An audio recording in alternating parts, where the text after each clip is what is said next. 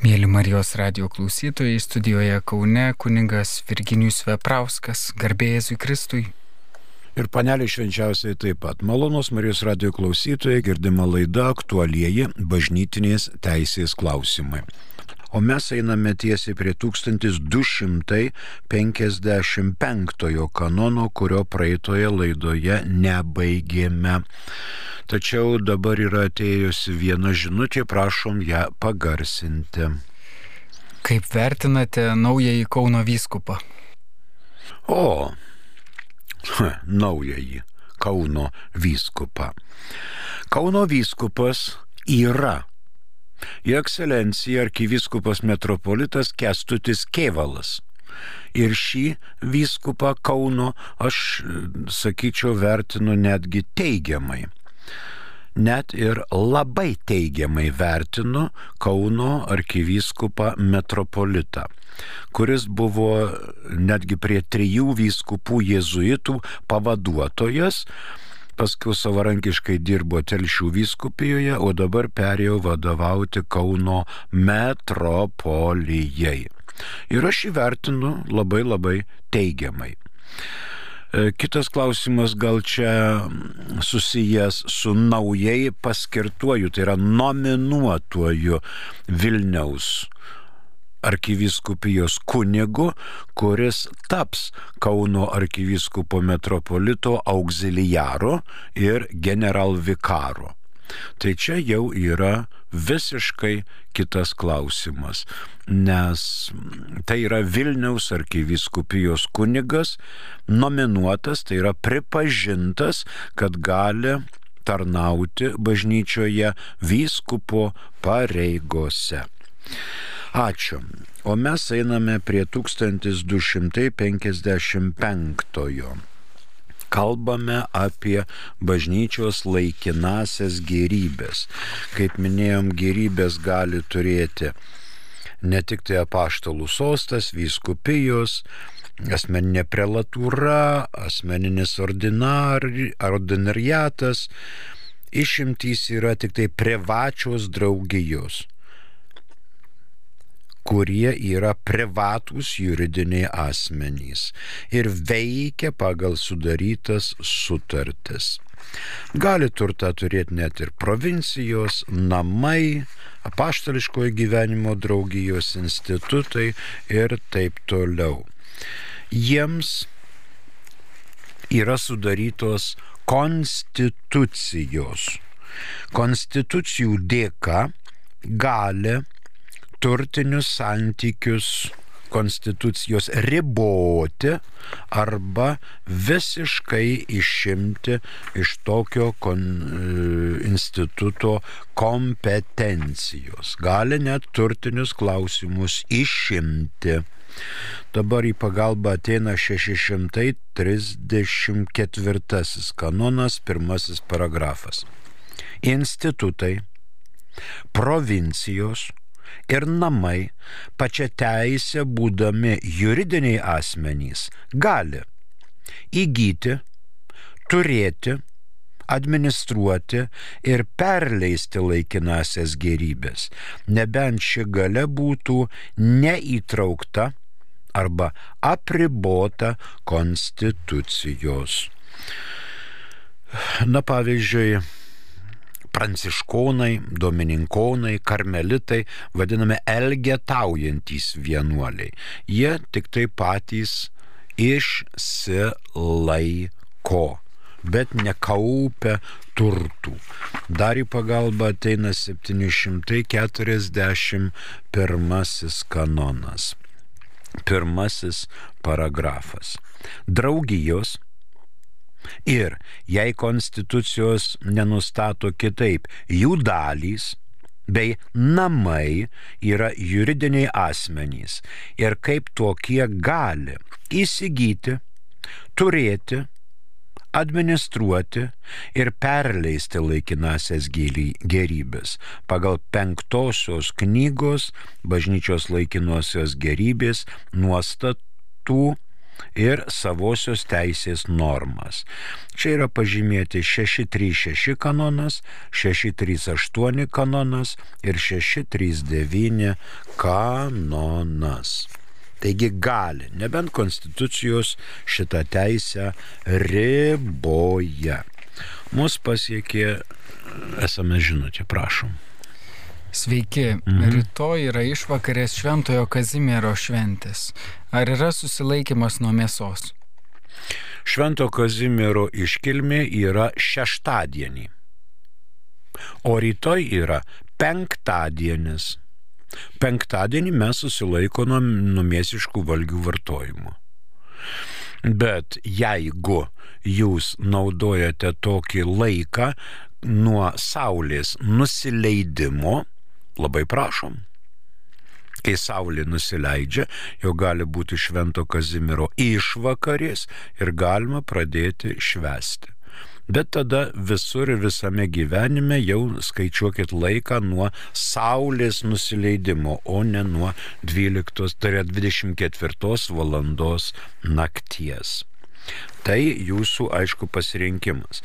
Ir negalima taip vieną kartą vienaip, kitą kartą kitaip. Jeigu turite rytoj jubiliejų, vardynas, dar ką nors, kreipiatės į kleboną, klebonas duoda dispensą. Tai yra atleidimą nuo įstatymo laikymosi.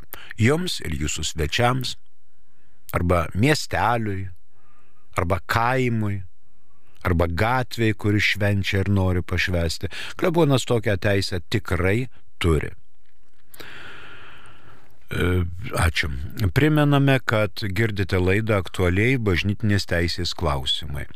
Mūsų telefono numeris Kaune 32 32 30 Kauno kodas 837.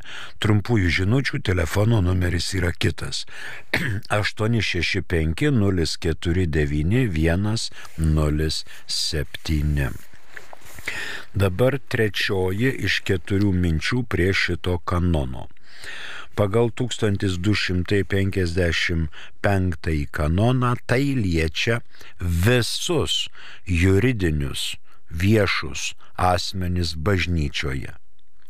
O norint veikti ir civilinėje plotmėje, turime pasiekti civilinio juridinio asmens statusą. Mums į pagalbą ateina 1284 kanonas. Visi na gal čia ilgokas jis yra. Visi administratoriai įpareigojami vykdyti savo pareigą rūpestingai ir kaip geri šeimininkai. Todėl privalo rūpintis, kad bažnytinių gerybių nuosavybė būtų apsaugota civiliškai galiojančiais būdais. Apsaugota civiliškai galiojančiais būdais. Laikytis kanoninės ir civilinės teisės nuostatų arba to, kas nustatomas teigėjo arba aukotojo arba teisėtos valdžios. Pirmiausia, rūpinantis, kad civilinių įstatymų nesilaikimas nepadarytų žalos bažnyčiai. Taigi tie, kurie veikia, turi ir civilinėje plotmėje užtikrinti šituos dalykus. Tai reiškia, yra du subjektai, kas nori veikti ir bažnytinė, ir civilinė erdvėj. Tai turi gauti bažnyčios pripažinimą ir valstybės pripažinimą. Kaip pavyzdžiui, parapija vienuolynas. Parapijos teigėjas yra vyskupas. Valstybė pripažįsta parapijai juridinio, viešo juridinio asmens statusą. Reiškia, parapija gali veikti ir viešojoje erdvėje. netgi mokėti mokesčius už elektrą, už dujas, už vandenį, už kitas komunalinės, ten šiukšlės, už telefoną, už internetą ir taip toliau. Čia jau yra viskas gerai. Ketvirtoji mintis prie 1255. Kaip tas pasiekiama, kad būtų ne vien bažnytiniai erdvėjai, bet ir civiliniai plotmiai. Pirma, per įstatymą. Reikia pasiekti, kad būtų toksai įstatymas leidžiantis bažnytinim institucijom veikti ir civiliniai plotmiai. Dabar gali būti ir tokia forma painformavimas. Pavyzdžiui, valstybė sutinka, kad jeigu įsteigiamas naujas darinys bažnytinis, vyskupas painformuoja valstybę, kad atsirado nauja parapija. Pavyzdžiui, Jono Pauliaus parapija. Kaune. Ir tada viskupas painformuoja, toks darinys yra valstybė. Pritarė, gerai, ekscelencija, jeigu įsteigėte, mes pripažįstame šitą parapiją. Dabar kita mintis dar gali būti potvarkių dėka. Susitarė valstybė su bažnyčia, kaip jie tarpusavyje komunikuoja dėl naujų institucijų įkūrimo. Ir gali būti e, teisinio registravimo keliu. Vyskupas rašo raštą valstybei, kad prašom registruoti tokią ar tokią parapiją. Tvarkoj, valstybė sako, mes registruojame šį dalyką. Na, mums gali ateiti dar į pagalbą keletas kanonų iliustruojančių šitas mintis. 204 kanonas. 204. Kristaus tikintieji yra tie, kurie krikštu įjungti į Kristų, nebent tai yra buvo suburti į Dievo tautą ir dėl to savaip tapę Kristaus kunigiškosios, pranašiškosios ir karališkosios pareigos dalyviai yra pašaukti kiekvienas pagal savo padėtį į misiją, kurią atlikti pasaulyje Dievas pavedė bažnyčiai. Kitas 238 kanonas. Teisėtai įsteigtos seminarijos pagal pačią teisę bažnyčioje yra juridinio asmen, turi juridinio asmens statusą. Reiškia seminarijai įsteigti, jeigu jinai įsteigta, savaime jinai turi juridinio asmens statusą. Nereikia čia daugiau kokio dviračio išradinėti. Toliau kitas 313 kanonas. Viešoji asociacija, kaip ir viešųjų asociacijų konfederacija, pačiu dekretu, kuriuo įsteigiama pagal 312 kanono normą, kompetentingos bažnytinės valdžios tampa juridiniu asmeniu ir gauna, kiek tai yra reikalinga misija bažnyčios vardu siekti savo iškeltų tikslų. Taigi viešoji asociacija. 322. Privati Kristaus tikinčiųjų asociacija gali įgyti juridinio asmens statusą formaliu 312 kanono minimos kompetentingos bažnyčios valdžios dekretu. Dabar galima dar žvilgterėti į 310 kanoną.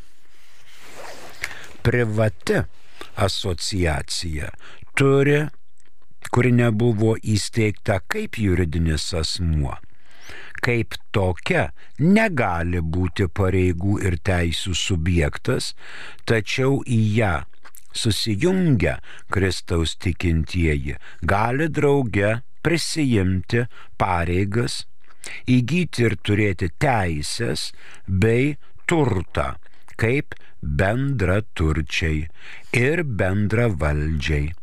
Šios teisės ir pareig, šias teisės ir pareigas jie gali vykdyti per įgaliotinį arba atstovą.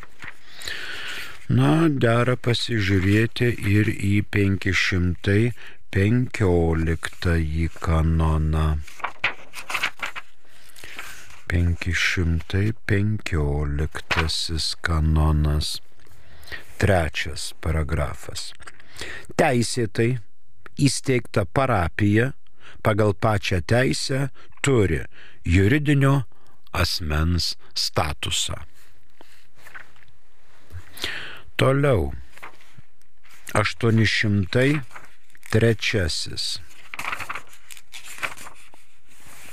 803.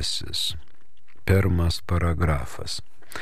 Katalikiškoji mokykla suprantama kaip ta, kuriai vadovauja kompetentinga bažnytinė valdžia arba viešasis juridinis asmuo, bažnyčio, bažnytinis asmuo, arba kaip ta, kurią bažnytinė valdžia raštiškų dokumentų tokią pripažino. Dar žiūrėkime į 449.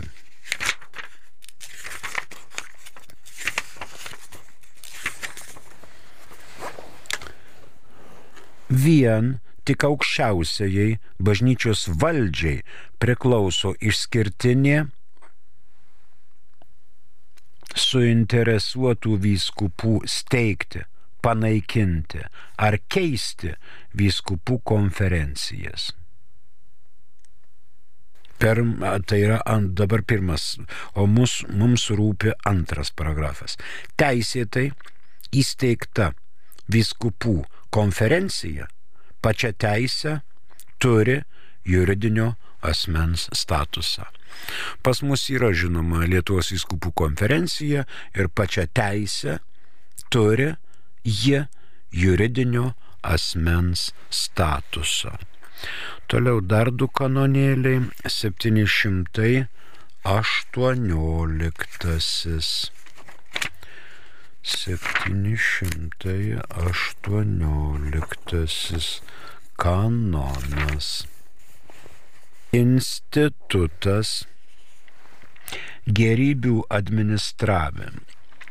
Instituto gerybių administravimas, kuris privalo išreikšti ir skatinti evangelinį neturtą, tvarkomas pagal penktosios knygos bažnyčios laikinosios gerybės normas bei savoje instituto teisę. Taip pat savoji teisė turi apibriežti instituto įsipareigojimus, ypač ekonominius nariams, kurie jam darbuojasi. Ir 741 kanonas. Draugijos ir jei konstitucijos nenustato kitaip jų dalys bei namai yra juridiniai asmenys ir kaip tokie gali įsigyti, turėti, administruoti ir perleisti laikinasias gerybės pagal penktąją knygą bažnyčios laikinosios gerybės nuostatas ir savasias teisės normas. Mums paskambino, prašom. Paskambino Algis iš Kauno. Klausom jūsų. Per amžius savo. Gerbamas kunigė, aš norėjau paklausti, ar kunigai gauna kasmetinės atostogos ir kokia jų yra trukmė. Antras klausimas būtų, kaip su žeme, bažnyčia tai yra, turi žemę aplink savo pastatą, gal ir daugiau, kaip šitos žemės yra traktuojamos pagal nusavybės teisę. Ačiū labai širdingai. Ačiū, Algi. Kiekvienas kunigas gali turėti kasmetinės atostogas, kurios sudaro 30 kalendorinių dienų. Gali. Bet dekanui iškart dantų skausmas. Kunigas pasako, aš birželio mėnesį važiuoju atostogauti. Viskas, broli, važiuok. O kas tavo parapiją aptarnaus? Gerai, jeigu deganas turi kokius du vikarus. Tai tada vieną vikarą siunčia administruoti šitą parapiją, kurios klebonas atostogauja. Dekanatas turi, tarkim, aštuonias parapijas. Vienas kunigas važiuoja gegužę, kitas birželį, trečias rūpjūtį, rugsėjai nieks nenori važiuoti, nors kartais ir važiuoja. Tiek vikarų nėra, kad visi pasidalintų ir tada parapijai yra nuostolis. Kunigo nėra, jis atostogauja. Kas jį pavaduoja, kas aptarnauja, kas padeda tam reikalui tvarkyti. Tai čia geriausia, kad kunigas rastų, kas už jį dirba, bet kadangi kunigų labai trūksta, tai čia yra bėdos. Bėdos, algi, e, nors kunigas privalo irgi pailsėti, kaip bet kuris žmogus per metus turėti 30 dienų atostogų. Antras klausimas, mm, taip, dabar žemė. Bažnyčia nekabo ore, ir nepastatyta ant debesėlio. Visų pirma, ta žemė, ant kurios stovi bažnyčia, turi priklausyti parapijai. Ir aplink bažnyčią esanti žemė, šventorius ar daugiau taip pat yra parapijos nuosavybė. Arba bent turi būti. Gali parapiją nuomoti iš valstybės 99 metam žemę, gali atstatyti nuosavybės teisės ir turėti šitą žemę kaip nuosavą turtą, kurį tvarko savo nuožiūrą. Matot, bažnyčia nėra toksai, kad ten pirktų, pirktų, pirktų žemės. Nuo netmenamų laikų bažnyčiai žemės dovanojamos. Ir pastatai dovanojami ten didikai, Hotkevičiai, Tiškevičiai ir visi kiti sapiegos mm, pridovanojo daug. Bet atėjo karai, marai, nelaimės ir šito žemės buvo nacionalizuotos. Bažnyčia tarpu karie taip pat turėjo pakankamai daug turto ir žemių.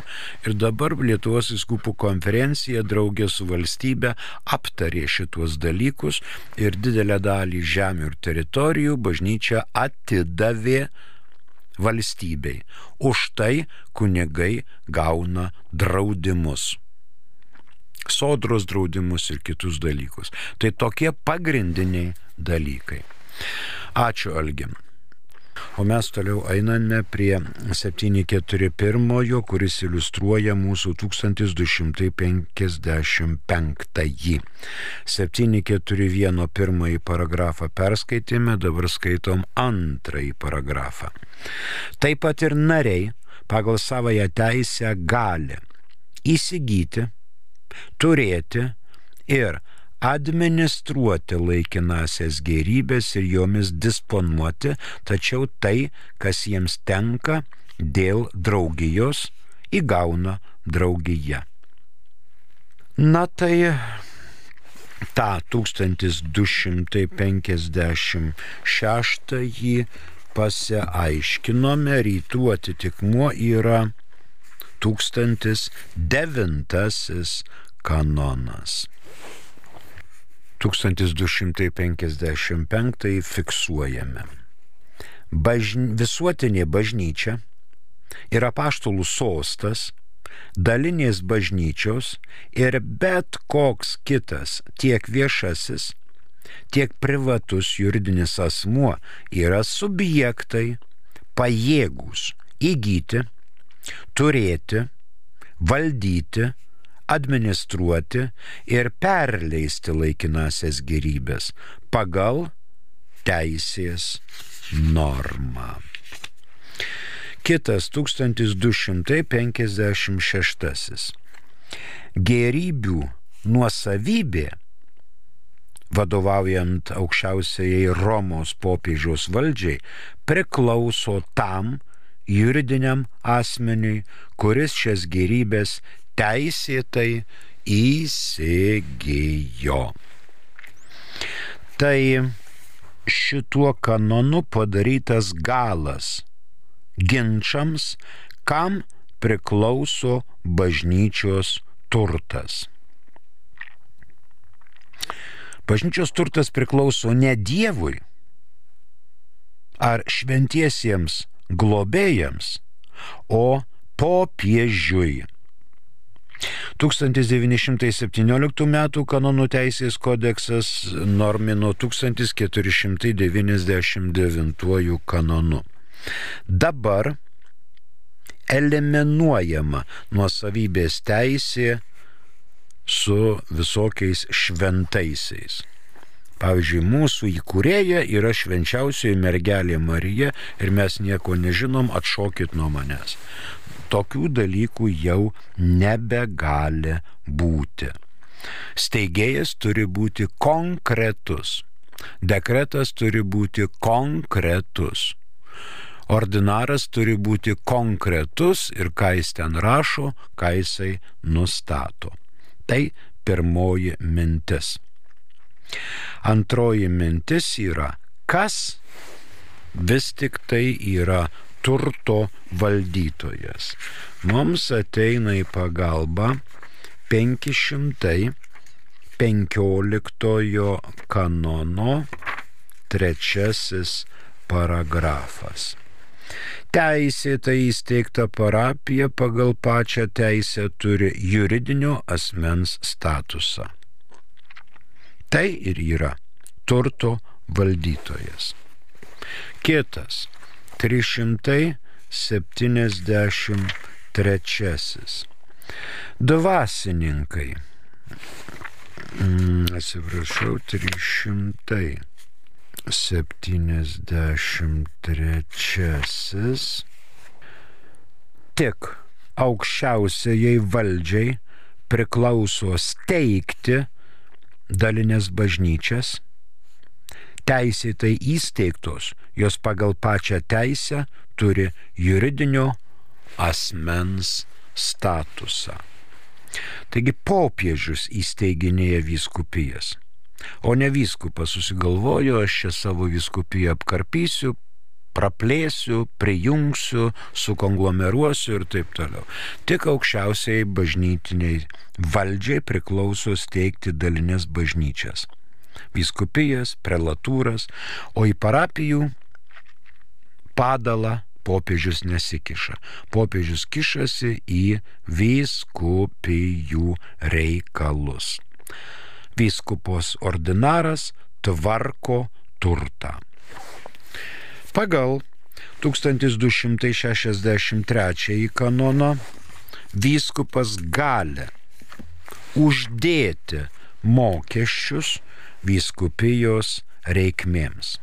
Stato seminariją, stato kūriją arba supleškėjo bažnyčią. Vyskupas kreipėsi į kitas parapijas, prašydamas paramos sudegusiai bažnyčiai. Gali vyskupas uždėti mokesčius. 1263. Diecesnis vyskupas turi teisę, išklausęs ekonominių reikalų tarybos bei kunigų tarybos, nustatyti jam pavaldiems viešiesiems juridiniams asmenims saikingą, jų pajamoms proporcingą mokestį viskupijos reikmėms. Kitiems fiziniams ir juridiniams asmenims jis gali skirti ypatingą ir saikingą mokestį, tik esant ypač dideliai būtinybei. Ir tomis pačiomis sąlygomis nepažeisdamas partikuliarnių įstatymų ir papročių, kurie jam suteikia didesnės teisės. Tai reiškia, vyskupas gali.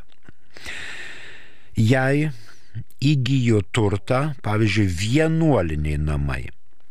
Turtas priklauso vienuoliniams namams, bet ne provincijai ar visam institutui, bet tiem vienuoliniam namam. Žvilgterėkime į 634 kanoną. 634. Institutai, provincijos ir namai, pačia teisė būdami juridiniai asmenys, gali įgyti, turėti, administruoti ir perleisti laikinasias gerybės, nebent ši gale būtų neįtraukta arba apribota konstitucijose. Tai gali. Gali. Gali. Nebent yra ribojama ar netgi draudžiama. Čia 741, kurį neseniai perskaitėme. Mus pasiekė SMS žinutė, prašom. Garbėzui Kristui. Ramžius Samė. Pastaruoju metu mirė nemažai kunigų. Kokia bažnyčios ateitis, jei taip senka kunigų kariuomenė? O, kariuomenė jau pasirodo. Kunigų. E, bažnyčios ateitis yra šviesi nepaprastai šviesi. Nes matot, e, koncentruojasi pagal demografinės braižus žmonės į miestus. Vilnių, Kauną, Klaipėdą, Šiaulius, Panevežį, Alytų. Kaimai tuštėja. Ir žinoma, kaimuose praras prasme turėti savo parapiją, ten 400 pavyzdžiui žmonių. Jeigu viskupas laiko 400 žmonių kuniga kaime, jisai 4000 praranda mieste. Todėl išmintingas kunigas, pasit, vyskupas pasitvarko taip, kad būtų užganėdinti ir miestų gyventojai, ir kaimo gyventojai. Ta kaimo parapija, kuri yra neskaitlinga, prijungia prie miesto arba paveda aptarnauti kaimynui. Pavyzdžiui, per metus toj parapijoje trys laidotuvės. Sekmadieniais renkasi negausus tikinčiųjų būrys. Ir ten kunigas privalo būti reziduoti savo klebonijoje. Nėr iš kur stogą pataisyti ir lietvamžių suvalyti ir perdažyti bažnyčią, nėra pajamų. Tada viskupas paima tokį kunigą, kelia į miestą, kad jisai galėtų dirbti ir patarnauti. O ateitis bažnyčios yra šviesi. Paprastai ne jauni kunigai, bet pagyvenę kunigai dėl lygų ar kitų priežasčių iškeliauna pas viešpatį ir dar tokios krizės nėra. Jeigu atsirastų krizė, vyskupai prašytų ir tikrai bažnyčia, visuotinė bažnyčia skirtų kunigų. Pavyzdžiui, iš Vietnamo, iš Indonezijos, iš Indijos, oi kiek ten daug kunigų yra. Jie visi nori taip pat dirbti ES, tame tarpe ir Lietuvoje. Jau vietnamiečiai kunigai saleziečiai dirba Vilniuje labai sėkmingai, žmonės tiesiog trokšta, kad jie laidutuvės darytų, nes pradeda jau suprasti kalbą ir taip toliau. Bažnyčioje kunigų niekad netruks sakau, nebus lietuvių kunigų arba lietuvišką pasą turinčių kunigų, tai yra Lenkų, Rusų, e, tai tada bažnyčia yra pasiruošusi skirti Lietuvai kitų kunigų iš kitų šalių. Kaip minėjau, vietnamiečių, Indonezija, Indija, Koreja, ten yra daug kunigų, kurie atbėgs ir mums visiems patarnaus. Ačiū už klausimą. Dabar vėl apie teisėtus dalykus. Jo mums liko viskas beveik neliko. todėl mes pradedame užsiraukinėti ir baigti šitą laidą. 1256 dar nepasiaiškintas iki galo. Kitoje laidoje mes pabandysime šitą kanoną pasiaiškinti ir eiti prie sekančių. Prie mikrofono dirbo kunigas Virginijos Veprauskas. Nepamirškite, kad sekmadienį yra balsavimas, eikite balsuoti. Na ir žinoma, švesti šventąjį Kazimierą, pirmąjį Lietuvos globėją. Prie mikrofono dirbo kunigas Virginijus Veprauskas. Užlaikykite gavėnios rimtį. Ačiū ir sudie.